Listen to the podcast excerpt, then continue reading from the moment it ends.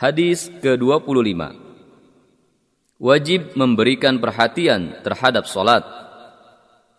عن بريده بن الحصيب الاسلمي رضي الله عنه قال قال رسول الله صلى الله عليه وسلم العهد الذي بيننا وبينهم الصلاه فمن تركها فقد كفر Dari Buraidah bin Husayb al-Aslami radhiyallahu anhu ia berkata, Rasulullah shallallahu alaihi wasallam bersabda, Perjanjian antara kita dengan mereka orang kafir adalah salat. Barang siapa meninggalkannya, maka ia telah kafir. Hadis riwayat Tirmidzi, Ibnu Majah. Menurut Imam Tirmidzi, hadis ini hasan gharib dan disahihkan oleh Al-Albani. Hadis riwayat Tirmidzi dan Ibnu Majah Menurut Imam Tirmidzi hadis ini hasan sahih gharib dan disahihkan oleh Al-Albani.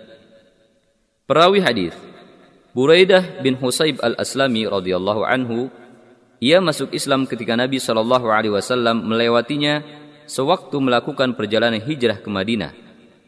Ia bersama penduduk desanya sebanyak 80 orang semuanya masuk Islam dan Rasulullah Shallallahu alaihi wasallam salat Isya bersama mereka. Diriwayatkan darinya dalam kitab Kitab Hadis sebanyak 177 hadis. Ia bermukim bersama kaumnya, kemudian bermukim bersama Rasulullah sallallahu alaihi wasallam setelah perang Uhud dan berperang bersamanya dalam semua peperangan. Kemudian ia pindah ke Basrah dan membangun rumah di sana. Kemudian keluar dari Basrah untuk berperang di Khurasan. Ia pun bermukim di Marwu hingga meninggal dan dimakamkan di sana. Ia wafat pada tahun 62 Hijriah atau tahun 63 Hijriah pada masa Khalifah Yazid bin Muawiyah. Beberapa faedah hadis ini adalah Islam menetapkan bahwa solat merupakan ciri yang jelas yang membedakan antara kaum muslimin dengan non-muslim. Hadis ini mengharamkan sikap menyepelekan solat dalam kondisi apa pun.